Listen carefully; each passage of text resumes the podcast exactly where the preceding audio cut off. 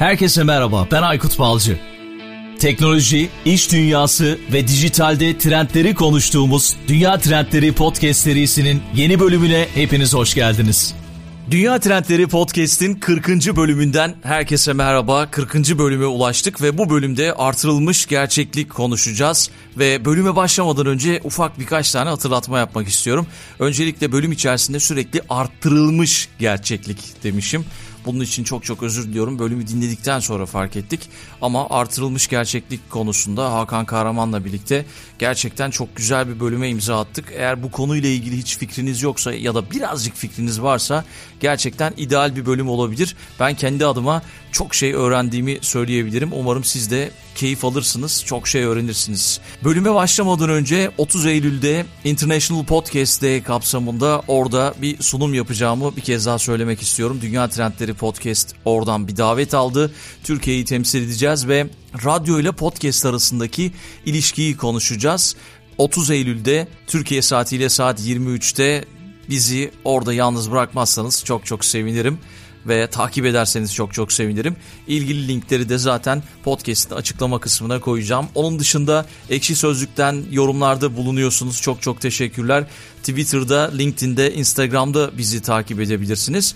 Ve hangi platformdan dinliyorsanız eğer lütfen abone olmayı unutmayın. Spotify'da, Apple Podcast'te ya da diğer platformlarda yeni bir podcast yayınlandığı zaman size bildirim anında gelir ve podcast'in yeni bölümünün yayınlandığından haberdar olabilirsiniz. Şimdiden çok teşekkürler ve bir teşekkür de Amerika'dan bizi başladığımızdan bu yana takip eden, dinleyen, destekleyen sevgili Yasin Pehlivan'a da çok çok teşekkür ediyorum ve uzun zamandır bizi yani başladığımızdan bu yana ilk bölümden bu yana takip ediyor ve yorumlarıyla desteklemeye devam ediyor. Ona da çok çok teşekkürlerimi sunuyorum. O zaman yeni bölüme başlıyoruz.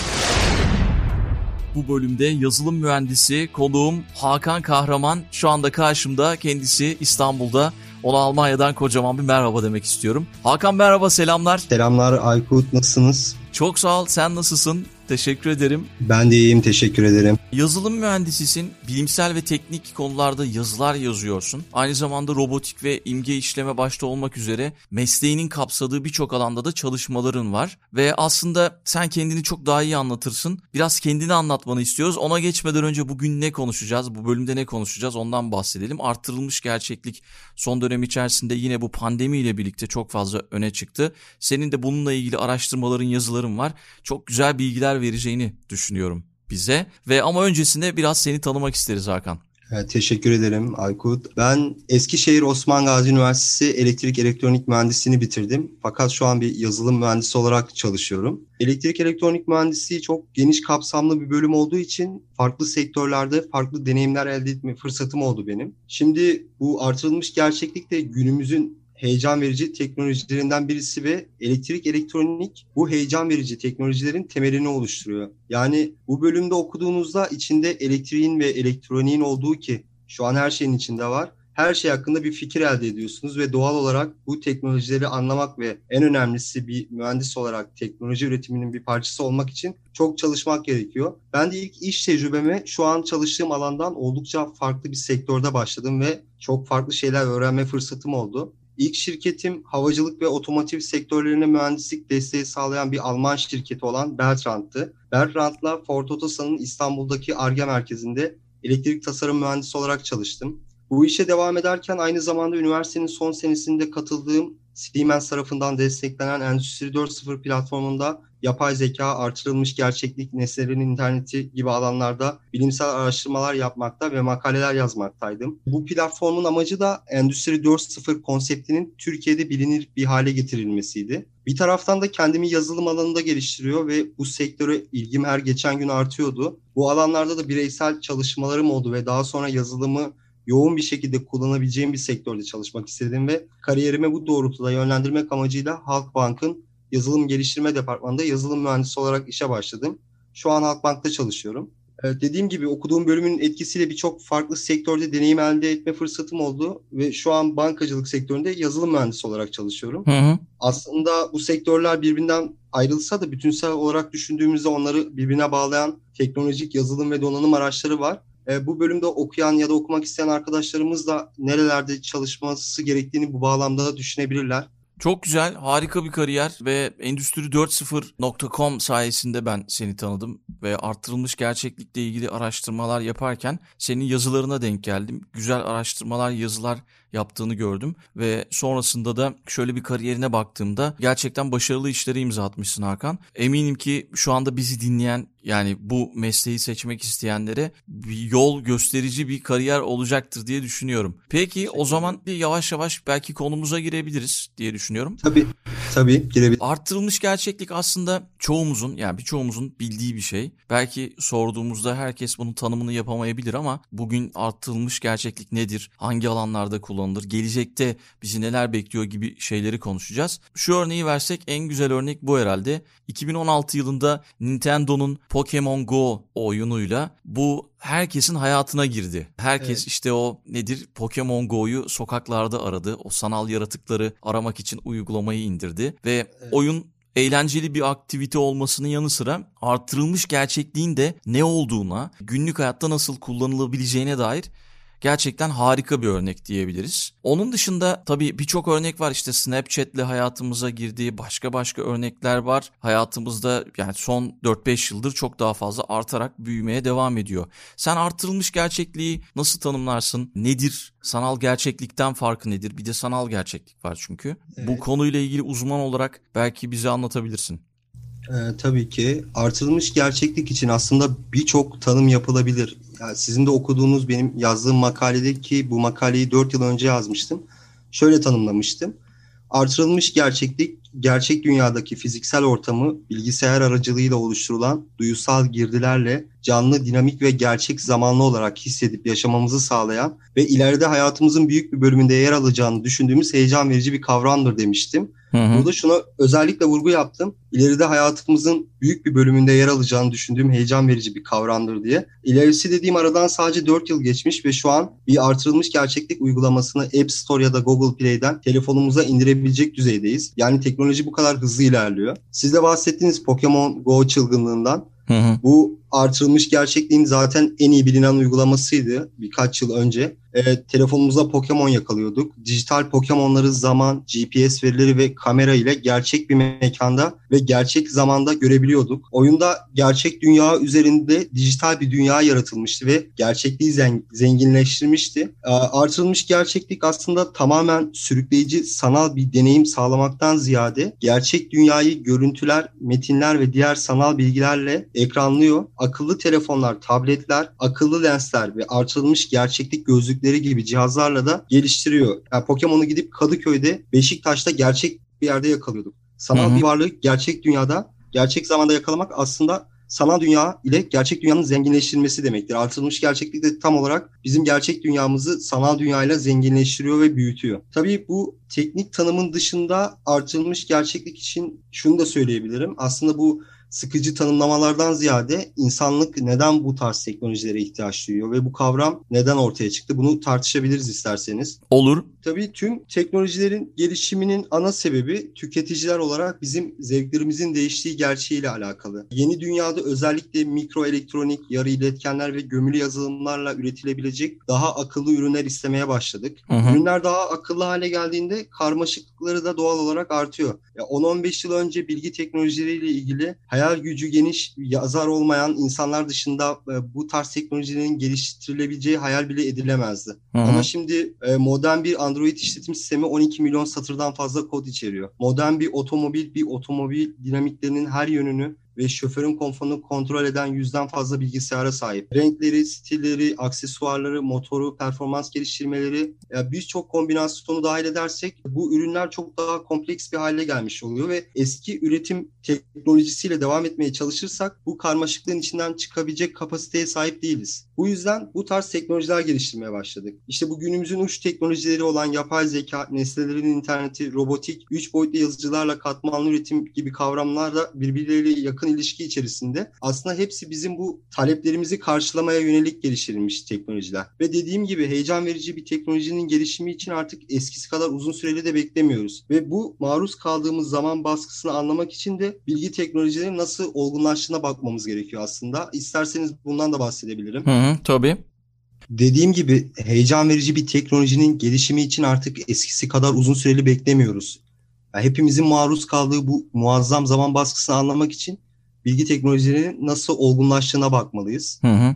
E, hızlı gelişimin sebebi teknolojinin üstsel bir şekilde artmasıdır. Bunu herkes okuyup bilebilir ancak bu tür üstsel büyümenin gücünü çok az kişi anlamakta. Bunu basitçe şöyle açıklayabilirim. Hani hep derler ya her şeyi teknoloji yaparsa insanlar ne yapacak, işsiz mi kalacak diye. Aynen. Ben buna katılmıyorum. Bence öyle değil. Örneğin insanlar matematik hesaplamaları yapabilmek için eskiden taşları, çivileri kullanıyordu. Sonra abaküs icat edildi. Daha sonra elektriğin devreye girmesiyle hesap makinesi icat edildi. Hesap makinesi matematikçilerin işini bitirdi mi? Hayır aksine daha da çok zorlaştırdı. Çünkü çözülmesi gereken çok daha fazla problem ve keşfedilmesi gereken çok daha fazla teorem olduğunu anladık. Bunun sonucunda bilgisayarı icat ettik. Bilgisayar bize sınırsız bir görüş alanı sağladı ve bilgi işleme kapasitesi şimdi kat ve kat artarak günümüzde kendinden sürüş araçları, özel robotları, derin yapay zekayı ve artırılmış gerçeklik gibi teknolojileri getirdi. Aslında olay şu, Örneğin bir masada ben mühendislik derslerine çalışıyorum. Masada hı hı. ne bir bilgisayar ne de bir hesap makinesi var.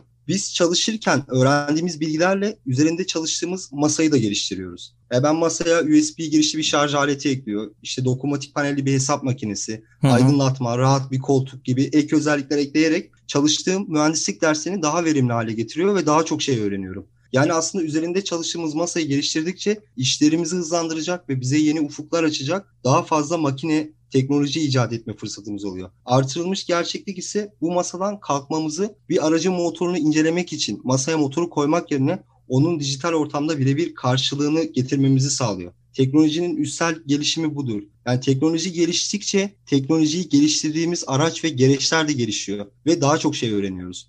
Anlattığım tüm bu gelişimler bizi günümüzün dijital dünyasının içine attı ve artırılmış gerçeklik gibi bir kavramı ortaya çıkardı artırılmış gerçekliğin en büyük nüansı şu. E, bahsettiğim gibi insanlık sürekli üretim ve yaşam çevresini geliştirmeye çalıştı. Ancak hı hı. artık bir yaşam çevremiz daha var. Dijital dünya dediğimiz. Şimdi hı hı. bu dünyayı da geliştirmeye çalışıyoruz. Bu dijital dünyadaki her şeyin somut bir şekilde duyularımıza hitap etmesini aslında dijital dünyada gerçek dünyayı yaşamak istiyoruz. Ya ikisini birleştirip yaşamak istiyoruz. Bu talep doğrultusunda artırılmış gerçeklik konsepti ortaya çıkıyor ve gerçek dünyayı oluşturduğu dijital dünya ile zenginleştiriyor. Biz demin o bahsettiğim o masada biz kamera, projektör, telefon, bilgisayar, görüntü işleme gibi teknolojileri geliştirirken bir anda bu artırılmış gerçeklik konseptiyle tanıştık. Tüm bu bilgi birikimi yeni bir teknoloji üretti.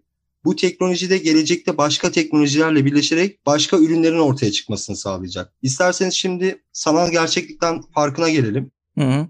Ona geçmeden evet. önce içinde bulunduğumuz bu pandemi dönemi de artılmış gerçekliğin ne kadar önemli olduğunu ortaya çıkardı. Ve kendi gözlemlerimden bahsedeyim Hakan istersen biraz. Tabii. Mesela diyelim ki bir gözlük almaya gidiyorsun. Gözlük seçeceksin. Orada gözlük dükkanındaki kişi şey dedi. Ya istediğiniz gözlüğü seçebilirsiniz, deneyebilirsiniz ama lütfen e, tekrar yerine koymayın. Bize verin. Biz çünkü hepsini tek tek dezenfekte ediyoruz, tekrar yerine koyuyoruz. Hani içinde bulunduğumuz e, durumdan dolayı. Ama mesela bazı şeyler, şirketler bunu farklı bir şekilde değerlendirip gözlüğü artırılmış gerçeklikle deneme şansını sundular. Özellikle hani birazdan bahsedeceğiz e, hangi alanlarda daha çok kullanıldı, e, kullanıldığından ama mesela benim gözlemim buydu. Orada o satış görevlisine gerçekten acıdım çünkü insanlar her gelen bir gözlük deniyor ve her seferinde o gözlüğü temizleyip tekrar yerine koyuyorlar. Ama bunu teknolojiyle aşabilirdik aslında. Tabii ki zaten şöyle bir durum var. Şimdi yine pandemiyle birlikte uzaktan eğitim, işte evden çalışma gibi kavramlar da hayatımıza çok hızlı ve yoğun bir şekilde girdi. Şimdi ileride şunu bekleyeceğiz. Artık belki bu pandemi sürecinde uzaktan eğitim konsepti daha da interaktif hale gelecek. Yani bu toplantıların sadece işte kamerayla, mikrofonla olması yetmeyecek bize. Daha katılımlı, etkileşimli bir hale gelmesini istiyoruz. İşte artırılmış gerçeklikte bu konferanslar, toplantılar, işte eğitimler daha interaktif olacak ve birbirleriyle gerçekte aynı ortamda olmayan insanlar tıpkı aynı ortamdaymış gibi interaktif bir şekilde ne bileyim bir grafiği birlikte inceleyebilecekler, bir animasyona birlikte bakabilecekler. Özellikle ben zaten birazdan da kullanım alanlarında bahsedeceğim. Eğitim alanında da çok yoğun bir şekilde kullanılmaya başlandı artırılmış gerçekten. Hı hı hı. Şu Black Mirror'ın playtest bölümünde artırılmış gerçeklikle sanal gerçeklik farkından böyle kısaca bahsedilmişti. Bilmiyorum sen de teknolojiye ilgili olan biri olarak o Black Mirror'ı izledin mi? Black Mirror'ın ilk sezonunu izledim sadece ben. E, sanırım ilk evet. sezonundaydı o da. Ya hatırlamıyorum işte bir bölümünde. İşte o gözlüğü takıyordu o kişi ve orada hani sanal gerçeklik, artırılmış gerçeklik o konulara değinmişlerdi. Tabii filmlerde çok karşımıza çıkıyor. E, Türk filmlerinde de kullanıyorlar. Gora'da kullanmışlardı sanırım. Yanlış hatırlamıyorsam. Evet. Şeyde Cem Yılmaz'ın Yedi Cüceler filminde yani birçok her filmde karşımıza çıkıyor. Hayatımıza da çok daha fazla girecek. Filmlerde çok kullanılmasının sebebi aslında bu teknolojilerle yapabileceğimiz şeyler hep söylüyorum ben hayal gücümüzle alakalı. Yani hı hı. gelecekte bizi neler bekliyor dediğimiz zaman aslında ne hayal ediyorsak gelecekte bizi o bekliyor. Ya o yüzden e, bu demin de bahsetmiştim aslında. 15 yıl önce bir e, hayalperest yazar, bir edebiyatçı değilsek bu dünyada yaşayacağımız çoğu şeyi tahmin bile edemezdik. Yani ancak filmlerde olacak şeyleri yaşadık. Özellikle bu 2020 yılında. ileride de aynı şeyler olacak. Hı hı. Sanal gerçeklikten farkı şu. Şimdi sanal gerçekliği deneyimlediğimizde aslında sanal gerçeklik dediğimiz olay bilgisayar tarafından oluşturulan bir gerçeklik var sadece. Yani canlı normal mekanla bir etkileşim yok. Bu oyun ve eğlence dünyası ilk benimseyen alanlar oldu sanal gerçekliği. Artık askeri, mühendislik, inşaat, sağlık hizmetleri gibi sektörlerde de kullanılıyor. Ama artırılmış gerçeklik şöyle, artırılmış gerçeklik gerçek bir dünya sahnesini güçlendiriyor. Hmm. Yani Pokemon Go'da olduğu gibi ben Pokemon'u gidip Kadıköy'de yakalıyorum. Ama sanal gerçeklikte tamamen sanal ortamlar var. Bir sanal gerçeklik gözlüğünü takıp Mars'ta Mars'a gittiğimizde o tarz uygulamalar var. Yani bak o Mars görüntüsü daha önceden oraya yüklenmiş bir görüntü ve sana sunulan neyse onu deneyimliyorsun. Ama artılmış gerçeklikte kendimize yakın sanal nesnelerle etkileşim halindeyken hala gerçek dünya ile iletişim halindeyiz. Sanal gerçeklikte ise gerçek dünyadan izole bir şekilde tamamen kurgusal bir dünyada bir deneyim yaşıyoruz. Ya aslında artırılmış gerçekliğin odak noktası kullanıcıya uygun içeriği göstermek için işte bilgisayarlı görü, haritalama, derinlik takibi tarzı bazı alt teknolojileri kullanıyor. Bu işlevsellik kameraların herhangi bir kullanıcının baktığına göre uygun dijital içeriği göstermek için veri toplanmasına, göndermesine ve işlenmesine olanak tanıyor. Sanal gerçekliğin odak noktası ise gerçeği simüle etmek. Bu nedenle gerçek dünya ile herhangi bir etkileşim ortada ortadan kaldırılıyor. Yani kısaca aralarındaki en temel fark şu. Adından da anlaşılıyor zaten. Artırılmış gerçeklik gerçek dünyayı genişletiyor ve ona ek bir dijital dünya sahnesi ekliyor. Sanal gerçeklikte ise tamamen sanal bir ortam deneyimliyoruz. Yani bize sunulan neyse deneyimlediğimizde o oluyor. Bu pilotların kullandığı simülasyonlar o sanal gerçekliğe girer herhalde değil mi? Evet, sanal gerçekliğe de girer. Artırılmış gerçeklikle pilot eğitimleri uygulamaları da var. Bir de bu karma gerçeklik dediğimiz artırılmış gerçeklik ve sanal gerçekliğin birleştirildiği farklı uygulamalar da var. Hı hı.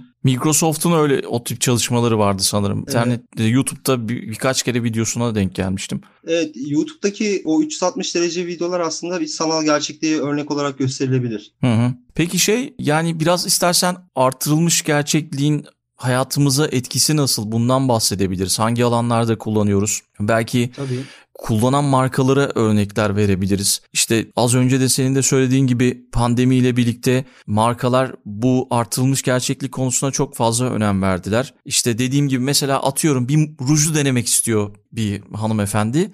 O şu anda yapamıyor onu ama bunu evet. artırılmış gerçeklik sayesinde yapabiliyor. İşte saç şeklini yapabiliyor. İşte e-ticaret alanından gidiyorum hep ama işte kıyafetini kendi üzerinde deneyebiliyor veya işte Ikea'nın sanırım böyle bir projesi vardı. İşte odanın içinde mobilyaları görebiliyorsun. Gibi evet. gibi. Yani hayatımıza etkisi nasıl? Bununla ilgili gözlemlerin neler veya okuduğun, araştırdığın şeyler neler? Evet, tabii ki ben de en son e, işte bir evde bir duvarı boyamak için renkleri araştırıyordum. Yani hangi renk daha iyi gider diye. Marshall'ın da böyle bir uygulaması var. Şu an hatta Google Play Store'da var. O harika. Rengin, rengine göre direkt duvarın rengini seçip hangi boyanın en iyi olduğunu kendiniz oradan gözlemleyerek seçebiliyorsunuz. Böyle birçok örnek var. Ama artılmış gerçeklik şu an emekleme aşamasında olan bir teknoloji. Yani hayatımıza tam olarak nüfuz edemedi. Hı hı. Edecek iler. Tanımlarken de bahsettiğim gibi en çok oyun ve eğlence sektörü şu an artılmış gerçekliği yoğun kullanmaya başladı. Örneğin PlayStation 5 oyunlarının çoğu artılmış gerçeklik içermesi bekleniyor. İleride da, çok daha fazla bunların etkilerini göreceğiz. Şimdi günümüzde birçok sektör müşteri etkileşimi etkinliklerinde kullanıyor artırılmış gerçekliği. Ancak günlük yaşamımızda artırılmış gerçekliğin e, geleceği çok daha fazla işlevsel bir kullanım sağlayacak. Şimdilik Instagram'da, Snapchat'te, işte TikTok'ta kameramızla kendimizi şekilden şekile sokmak için kullanıyoruz. ama ama çok daha fazlası olacak. Mesela artırılmış gerçeklikte filmleri ve dizileri, televizyon programlarını daha interaktif bir şekilde izlemeye başlayacağız ileride. Ya bununla uğraşan televizyon üreticisi şirketler de var ama tabii ki daha hayata geçmemiş çoğu. Yani bir futbol maçını izlerken oyuncularla birlikte sahada koşma deneyimi ya da bir bilim kurgu filminde Mars'ta dolaşma deneyimi yaşayabiliriz. Aynı zamanda eğitim için de harika kullanımlara sahip. Bir örnek verebilirim mesela bununla ilgili. Mesela tarih dersinde bir kalenin etrafında o geçmişte oluşturulmuş bir kalenin etrafında yürüyüş yaptırılabilir öğrencilere artırılmış gerçeklikle. Yani bu artırılmış gerçeklik farklı gerçekleri öğrenmeyi ve deneyimlemeyi daha yaşanılabilir hale getirebilecek ileride ki şu an bu tarz uygulamalar yapılmaya başladı. Örneğin Türk girişimciler tarafından kurulan Holonext isimli bir firmada onların uygulamasıyla Göbekli Tepe'yi gezebiliyorsunuz şu an. Mesela müze seyahatleri, hmm. tarihi alan seyahatleri gibi alanlarda artırılmış gerçeklikte gezi yapabiliyorsunuz. Yine havacılık ve savunma sanayinde pilotların ve askerlerin eğitimi, sağlık sektöründe doktorların eğitimi gibi alanlarda kullanılabilir ve kullanılıyor da. Ya da evinizi bir spor alanına dönüştürebilirsiniz. Sizin de bahsettiğiniz gibi işte Ikea'dan bir mobilyanın evinize nasıl durabileceğini Ikea'ya gitmeden görebilirsiniz. Saçınızı yeşile boyattığınızda nasıl duracağını merak ediyorsunuz. Telefonunuzdan bunu görebilirsiniz. Şu an kullanımı emekleme aşamasında olduğu için bunlarla sınırlı ama ileride çok daha fazla bir şekilde hayatımıza nüfuz edecek. Ben bir Android kullanıcısıyım. Onun için şu an buradan örnek veriyorum. Şu an Play Store'da artırılmış gerçeklik diye bir kategori var. Orada onlarca hmm. uygulama var. İşte bahsettiğim gibi ben Marshall'ın işte o boya uygulamasını oradan görmüştüm ya da ölçü aletleri. Birçok bu tarz uygulamaya erişebilirsiniz. Dediğim gibi bu teknolojiyle geliştirilebilecek uygulamalar tamamen geliştiricilerin hayal gücüyle alakalı. Bir sınırı yok yani bunun. Yani insanlar talep ettiği sürece çok fazla şey geliştirilebilir ama şu an biz kişisel kullanımlardan hani e, bir tüketici olarak kullanımdan bahsettik. Bir de bu artırılmış gerçeklik endüstride de çok yoğun bir şekilde kullanılmaya başladı. Özellikle de otomotiv sektöründe endüstriyel tasarımda. Benim ilk işim 3 boyutlu tasarım mühendisiydi. Eskiden elektrik tesisatları iki boyutlu milimetrik kağıtlara elle çiziliyordu. Daha sonra işte AutoCAD diye bir programla dijital ortamda Hı. çizimler yapılmaya başlandı. Bu çizimler gerçek hayat koşullarını karşılayamıyordu. Örneğin bir kablo çiziyorsunuz. Kabloyu aracın sıcak bir bölgesinden ya da titreşimli bir alanından geçirdiğinizde ne olur? Erir mi? Bozulur mu? Gerçekte nasıl tepki verir? Çünkü biz sadece orada verilen alana göre çizim yapıyoruz. Sonra da e, bu tesisat araca tak, takıldıktan sonra sorunlara ulaşabiliyoruz. Yani demek ki böyle yapınca böyle oluyormuş diyoruz. Ama sonra bu teknolojiler geliştikçe 3 boyutlu çizim diye CAD diye bir kavram ortaya çıkıyor. 3 boyutlu bilgisayar destekli tasarım diye. Mesela ben Katya isimli bir çizim programında 3 boyutlu çizim yapıyorum ve motorun titreşim parametrelerini giriyorum programa. Onun yakından geçen kablo işte hareketlerden nasıl etkileniyor, ısıdan nasıl etkileniyor bana gösteriyor ve ben bu tesisatı araca monte etmeden aslında olası sorunları tahmin edebiliyorum. Fakat şimdi daha da üst düzeye çıktı olay. Artırılmış gerçeklik konsepti devreye girdi. Şimdi Katya programı mesela artırılmış gerçekliği destekliyor. Artık birebir dijital görüntüsünü görerek çizim yapabiliriz ya da o araca daha monte etmeden ne tür sorunlarla karşılaşabileceğimizi çok büyük bir doğruluk oranında görebiliriz. Hmm, harika. Hatta daha daha da ötesi mesela Volkswagen artırılmış gerçeklikle çarpışma testi dahi yapabiliyor. Ya yani işte o dediğim gibi o çarpışma parametreleri, titreşim parametreleri programa giriliyor. Görsel olarak aracın nasıl etkilenebileceğini görebiliyoruz. Yine arabanın gövde yapısı, motor düzenini görselleştirmek, araç üzerinde işlemler yapmak, montaj, bakım gibi görevleri de basitleştiriyor. Örneğin bir tamirci kullanma kılavuzunu okurken sistemin parçalarını görüntüleyebiliyor. Ya da Boeing'de, BMW'de, Volkswagen'de imalat ve montaj süreçlerini iyileştirmek için montaj hattında şu an artırılmış gerçeklik kullandıkları uygulamalar var. Büyük makinelerde birden çok katman ve yapı olduğu için bakımları çok zor. Artırılmış gerçeklikle çalışanlar sorunun yerini ve sebebini daha net görebildikleri için bakım yapmaları çok kolaylaşıyor. Hı hı. Bu endüstrideki tasarıma örnekti. Yine aklıma gelen sizin de bahsettiğiniz gibi işte pandemi döneminde eğitim alanında uzaktan çalışma gibi konularda bize çok faydası olacak. Bunların yanında e, marketlerde bir ürünün ambalajını açmadan içinde neyin olduğunu ön izlemeyle görebiliriz. E, bu tarz uygulamalar da çok yaygınlaştı. Ya da müşteriler katalogdan ürün seçerken artırılmış gerçekliği bir yardımcı olarak kullanabilir. Ürünlerin taranmış görüntülerini ürünlerini kullanımıyla işte müşterilere ek içerik, görüş gibi özelleştirme seçenekleri sunulabilir. Yani kısaca artılmış gerçeklik aslında bizim bilgisayar evreni dediğimiz dijital evren ve gerçek evren arasındaki çizgiyi bulanıklaştırıp görme, hissetme, dokunma, koklama ve duyma duyularımızın oluşturulan yeni evrende harekete geçmesini sağlıyor. Yani en net tanımı bu aslında artırılmış gerçekliğin. Yani şu eğitimle ilgili verdiğin örnek çok güzel gerçekten. Yıllar önce önemli bir okulda bir tanıdığım ilkokula gidiyordu çocuğu. İşte tarih dersinde öğretmen konuyu anlatıyormuş. Daha sonra hep beraber gidip o anlattığı konuyla ilgili işte nerede geçtiyse o konu herhalde İstanbul'da geçen bir yerde orada birebir gözlemliyorlarmış. İşte tekrar anlatıyormuş yani uygulamalı bir şekilde. Verdiğin örnekle hani bir ezberci eğitim anlayışından uzak bir şekilde karşımıza çıkabilir bu eğitim şekli. Evet. Çok daha akılda kalıcı ve çok daha verimli olur diye düşünüyorum. Evet, evet tabii ve, ki. Ve bir başka örnekte şey vereyim. Geçenlerde bigumigu.com'dan Oğuz Gazan'ın yazdığı bir yazı karşıma çıktı. O da bizim podcast'e katılmıştı. Kişisel holografik antrenman partneri diye bir yazı gördüm. Bu tabii ki şu anda Kickstarter'da fonlanan bir uygulamaymış. Ghost Pacer adında. Olay da şu artırılmış gerçeklik koşu koçu bu. Az önce de senin de bahsettiğin gibi sporda çok fazla karşımıza çıkacak dedin. Bu da Evet. önemli alanlardan biri. Antrenmanlarda koşucuların en iyi performansı göstermesine yardımcı olan bir uygulama. Ne yapıyorsun? Bir gözlük var. Gözlüğü takıyorsun ve senin önünde koşan bir arttırılmış gerçeklikle karşına çıkan bir e, koşucu var, sporcu var. Evet. Onu yakalamaya çalışıyorsun. Çünkü koşuanlar bilirler. Her koşuda en iyi dereceye ulaşmak için kendinden hızlı olan birini takip etmen gerekir. Evet. Bu benim acayip hoşuma gitti yani mesela. Ve o gözlüğü takıp önünde bir bir partner var ya da bir hoca belki de o avatar diye tabir edebiliriz. Bu gözlük gerçekçi bir avatar oluşturarak koşucuları motive eden bir şey sağlıyor. İlginç bir örnekti gerçekten bu da. Benim dikkatimi çekmişti. Bir sürü örnek var aslında senin de verdiğin gibi. Çok fazla Daha da çoğaltabiliriz var. yani. Çok çoğaltabiliriz evet. Yani siz de demin örnek vermiştiniz. İşte e, bu makyaj, moda ve yaşam tarzı markaları da çok fazla kullanmaya başladı. İşte yüz tanımayı ele alan, yerel aydınlatma koşullarına uyum sağlayan, işte kişiselleştirilmiş tavsiyeler sunan teknolojiler piyasalara sürdüler. İşte e, dedik ya bir boyanın renginin saçınıza nasıl duracağını bu uygulamaları yükleyerek görebiliyorsunuz. Yine navigasyon programlarında kullanılmaya başlandı. Hı hı. Aynı zamanda benim asıl etkiyi göstereceği alan işte kitlesel olarak insanları etkileyeceği alanlar bu eğitim, sağlık gibi sektörlerde kullanılması. Yine otomotiv sektöründe kullanılıyor. İşte savunma ve havacılık sanayinde pilot eğitimi, asker eğitimi gibi alanlarda kullanılıyor. Ama bu zaten bu teknolojiyi tek başına da düşünemeyiz. Ben her zaman söylüyorum bunu. Tüm bu üç teknolojiler birbirleriyle bağlantılı. Şimdi yapay zeka ve derin öğrenme gibi teknolojilerle birleşerek ki bunun da uygulamaları yapılmaya başlandı. Sağlık alanında hastalık teşhisi gibi uygulamalarda da kullanılıyor artırılmış gerçeklik. Ama tek başına değil. Hı-hı. Diğer teknolojilerle birleşerek kullanılıyor. Zaten bu pandemi döneminde mesela doktorlar hastalarına yaklaşamadılar ve evet. artırılmış gerçekliği kullanarak da tedavi yoluna gidildi diye bir haber de okumuştum. Yanılıyor da olabilirim ama bu da mesela bir şu anda son teknolojiyi kullanarak içinde bulunduğumuz konjektüre göre teknolojinin faydalarından biri bence.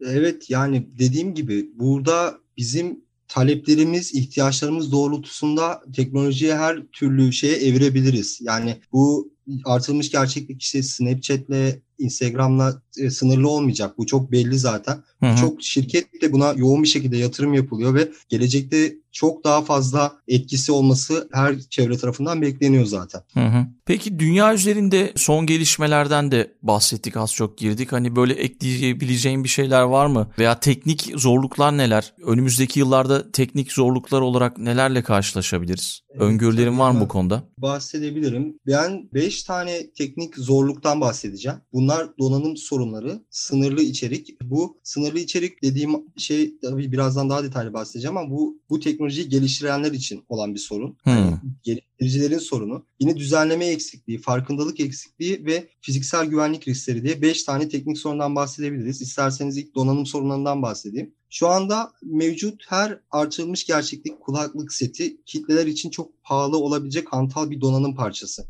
Yani aslında artırılmış gerçeklik kulaklıklarının çoğu bir bilgisayara bağlanması gerekiyor. Bu da tüm deneyimi sınırlı ve rahatsız edici hale getiriyor. Alternatif olarak tüketiciler akıllı telefonlarını veya tabletlerini de bu uygulamalar için kullanıyor. Ancak mobil cihazlarda görselleri doğru görüntüleme ile ilgili büyük sorunlarla karşı karşıya kalabiliyoruz. Çünkü bu teknolojiyi kaldırabilecek cihazlara ihtiyacımız var. Ya da cihazın içindeki ivme ölçer gibi sensörler kentsel alanlarda yaygın görülen işte elektrik parazitlerinden etkilenebilir. Ek olarak akıllı telefonlar daha çok iki boyutlu görüntüyü yakalamak için üretildikleri için üç boyutlu görüntü işleme kapasitesine çok çok sahip değiller şu an. Bu nedenle artırılmış gerçeklik teknolojisi için yani bu teknolojiyi benimsemeden önce gerekli donanımın geliştirilmesi gerekiyor. İlk temel sorunumuz bence donanım sorunu. Bu da tabii yine bir geliştiriciler için sorun. İkinci sorun sınırlı içerik. Bu da bu teknolojiyi geliştiren şirketler için bir sorun. Çünkü artılmış gerçeklik cihazları için oluşturulan içerikler genelde bak bahsettiğimiz gibi sosyal medyada işte Instagram, Snapchat gibi sosyal ağlarda kullanılan oyunlardan ve filtrelerden oluşuyor. Hı hı. Bununla birlikte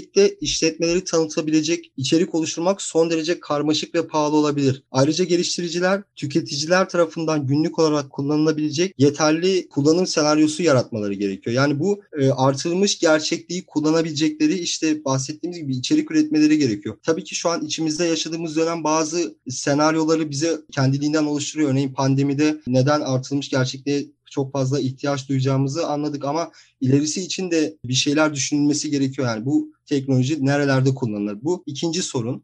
Bir de düzenleme eksikliği var. Düzenleme eksikliği dediğimiz aslında yasal düzenleme eksikliği. Ya işletmeler ve tüketiciler hangi artırılmış gerçeklik uygulamalarının kullanılabileceğini ve verileri nasıl işlenebileceğini anlamalarına yardımcı olan net bir düzenleme bulunması gerekiyor. Ki, il- ki ileride bunlar yapılacak zaten yaygınlaşınca. E, dolayısıyla teknolojiyi kötü niyetle de kullanılabilir. Yani bir siber suçlu veri çıktısını araştırıp artırılmış gerçeklik içeriğini manipüle ederek kişisel hesapları ele geçirebilir örneğin. Hmm. Bu gibi durumlarda tüketicilerin kimden sorumlu tutul, tutulabileceği, hangi azaltma stratejilerinin kullanılabileceği ve gelecekte bu tür olaylardan nasıl kaçınılabileceği gibi sorular ortaya çıkıyor. Bu nedenle artırılmış gerçekliğin en önemli zorluklarından biri tüketici verilerinin gizliliğini ve güvenliğini sağlamanın yanı sıra teknolojinin genel olarak benimsenmesini basitleştiren bir düzenleme oluşturmak oluşturması gerekiyor. Bir de tabii farkındalık eksikliği de var. Yani biz bu teknolojileri yeni yeni öğreniyoruz. Yani artırılmış gerçeklik hayatımıza çok yeni bir şekilde girdi. Ee, bizim şu anki kullanımımız işte hep söylüyorum gözlük aksesuar denemek ya da sosyal medyada filtre oluşturmak gibi hı hı. popüler uygulamaları kullanıyoruz. Bu yüzden e, bu teknolojinin faydaları hakkında bilgilendirilmesi gerekiyor insanların. Ek olarak farkındalık eksikliği artırılmış gerçeklik teknolojisini kullanırken gizlilik ve güvenlikle ilgili endişelere de yol açabilir. Bu nedenle artırılmış gerçekliğin ana akım dağıtımını hızlandırmak için kullanıcıların endişelerinin mutlaka ele alınması gerekiyor. Son büyük bence bu en büyük sorunlardan birisi ki bu yaşanmış birçok olay oldu. Fiziksel güvenlik riskleri. Artırılmış gerçeklik uygulamaları son derece dikkat dağıtıcı olabiliyor. Çünkü gerçek dünyaya bir sanal bir dünya ekliyoruz. Ve bu yüzden de fiziksel yaralanmalar olabiliyor ki Pokemon Go oynarken hatırlarsınız haberlerde birçok kişi yaralanmıştı. Evet evet uçurum... ölen bile oldu galiba ya. Evet öle, ölen de olmuş. Evet, uçurumdan Hı. düşen işte kaza yapan birçok insan olmuştu. Ya yine artırılmış gerçeklik uygulamaları yoğun yollarda, şantiyelerde, sağlık kurumları gibi potansiyel olarak riskli ortamlarda kullanılması durumunda ciddi yaralanmalara neden olabilir. Bu sorunlar da geliştiriciler tarafından dikkate alınmalı. Ya yani bu da tabii ki bir problem bu teknolojinin hayata geçirilmesinde. Şu an teknoloji dediğim gibi henüz emekleme aşamasında olsa da yaygınlaştığında bazı uygulamalarda sağlık hizmetleri, finans gibi kritik alanlarda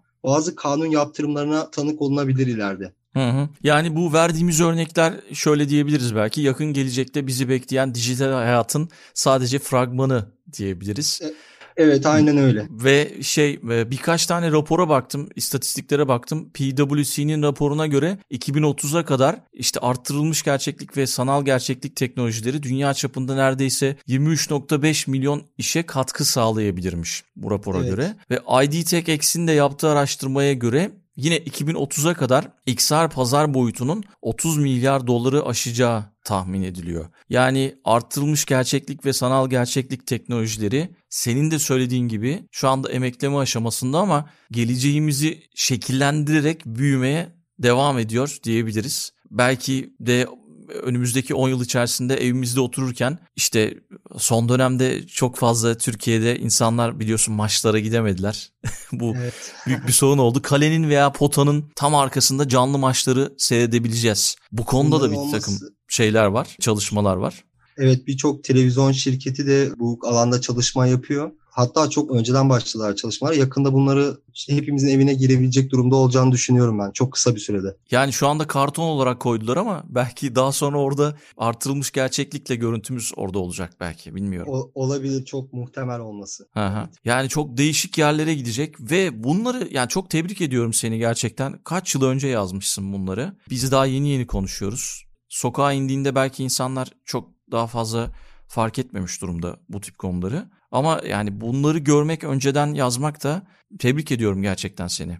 Öngöründen dolayı. Teşekkür ederim. Rica ederim. Peki o zaman yavaş yavaş sona geliyoruz ve istersen hani az çok gelecekle ilgili de örnekler verdik ama gelecekte bizi neler bekliyor? Geleceğe nasıl hazırlanmalıyız? Podcast'in içinde biraz bahsettik ara ara ama belki hani bu başlık altında da bir şeyler söylemek istersin. E, tabii. E, aslında ben şunu söylüyorum. Geleceğin öngörülebilir olması için bugünümüzün farkında olmak gerekir. Yani bugünümüzün farkında olmak ise bize dayatılan her şeyin altındaki yatan matematiği ve mantığı bilmekten geçer. Yani biz bu teknolojileri kullanırken bunların neden üretildiğini ve onlara gerçekten ihtiyacımız olup olmadığını bilmeliyiz. Ayrıca kitlesel olarak bir toplum sadece tüketici konumunda olursa manipüle edilmeye çok müsait olur. Hı hı. Bu yüzden sadece tüketici değil üretici konumunda da olmalıyız. Yani bu teknolojileri çevremizdeki herkese anlatmalıyız. Yani bildiğimiz şeyleri paylaşmalıyız. Bunların üretilmesini desteklemeliyiz. Açıkçası Snapchat'in ya da Instagram'ın benim kafamın üzerine ejderha eklemesi ve onu paylaşmak benim için çok heyecan verici bir şey değil ki sosyal medyayı da ben Twitter dışında çok kullanmıyorum. Hı hı. Ancak sağlık, eğitim gibi alanlarda bu teknolojiler yoğun kullanılacağı için çok iyi anlamalı ve nasıl üretildiklerini çok iyi öğrenmeliyiz. Yani bu teknolojilerle bir silah da üretebilirsiniz. Bir insanın hayatını da kurtarabilirsiniz. Bunu yaşadığımız çevre ve düşüncelerimiz şekillendiriyor. Bu yüzden hayatı güzelleştirecek şeylere odaklanarak geleceğe hazırlanmalıyız. Yani 10-15 yıl önce bugün hayatımızda olanların çoğunu tahmin edemediğimiz gibi gelecek 10-15 yıl içinde de neler olacağını söylemek zor ama ben hep şunu söylüyorum. Güzel şeylere odaklanırsak ve toplum olarak öğrenmeye ve üretmeye açık olursak bizi gelecekte güzel şeyler bekliyordur. Yapabileceklerimiz de hayal gücümüzle alakalı. Yani bu yüzden geleceğe hazırlanırken yetiştireceğimiz çocukların sorgulayan, hayal gücü yüksek, çevresine duyarlı ve meraklı insanlar olması gerekiyor. Hı hı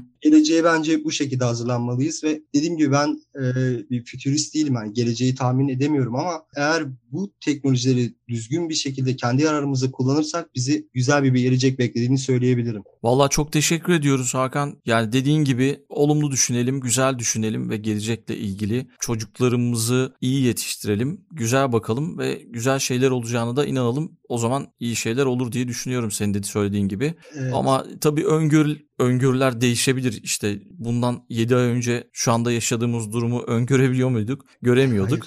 Yani ama birçok şeyi de hızlandırdı. Ve bundan sonrası için de dijital hayat işte her zaman hayatımızın içinde olacak. Ve senin de söylediğin gibi iyi şeyler olacağını düşünelim. Evet. Peki. Yavaş yavaş bitirelim istersen. Son sözlerin var mı? Yoksa bir kitap önerisi isteyeceğim senden e, tabii kitap önerebilirim. Yani teknik konular için internet çok sınırsız bir ortam. Dinleyiciler internetten araştırıp buldukları her kitabı okuyabilirler. Yani şu kitabı okuyun, şu kitabı okumayın gibi bir tavsiye değil de ben şöyle ilginç bir kitap önermek istiyorum. Charlie Finks'in Mediaverse diye bir kitabı var. Bu kitabı özel kılan kitap artırılmış gerçeklikle yazılmış. Yani kitaptaki görseller ve grafikler artırılmış gerçeklikle desteklenmiş. Hmm. Kitabı aldıktan sonra bir mobil uygulama yükleyerek telefonunuz yardımıyla bu özelliğinden faydalanabiliyorsunuz. Ve bir de bir dizi önermek istiyorum ki bunu bütün konuşma boyunca söyledim. Artırılmış gerçeklik hayal gücüyle çok bağlantılı olduğu için ben hayal gücünün önemini anlatan bir dizi önermek isterim. En with E diye bir dizi var. Netflix'te ulaşabilirler dinleyiciler. Bu diziyi mutlaka izlemelisiniz bence. Tamam süper. Gerçekten harika bilgiler aldık. Çok teşekkür ediyorum sana. Artırılmış gerçeklik son dönemin en popüler teknolojilerinin başında geliyor. Her ne kadar sen çok çok daha önceden bu konulara ilgi duymuş olsan da biz daha yeni yeni keşfediyoruz. İşte Pokemon Go'nun çıkışından beri mobil artırılmış gerçeklik uygulamalarının indirilme sayılarında %300 oranında bir artış yaşanmış. Ve evet. son dönemde de işte bu Covid-19 ile birlikte daha fazla ön plana çıkmış olması bu konuyu podcast'te taşımamız gerektiği inancını yaratmıştı bende. Ve sana da ulaştım. Beni kırmadın, katıldın. Çok çok teşekkür ediyorum Hakan gerçekten. Ben de teşekkür ederim beni davet ettiğiniz için. Benim için de çok güzel bir yayın oldu. Rica ediyorum. Bundan sonra yine seni takip etmeye devam edeceğiz. İletişim bilgilerini de podcast'in açıklama bölümüne koyarım izin verirsen. Belki sana bir şeyler sormak isteyenler olur. Sana ulaşmak isteyenler olur. Mutlaka yazılarını da herkesin bizi dinleyenlerin e, takip etmesini isterim. O linki de paylaşırım. Gerçekten çok şey öğrenebilirsiniz Hakan'dan. Teşekkür ederim. O zaman kapatalım bölümü. Çok teşekkür ediyorum tekrar. İstanbul'a selamlar. Almanya'ya da buradan selamlar. Tamam. Ben de o... teşekkür ediyorum. Rica ederim. Bölümü kapattık.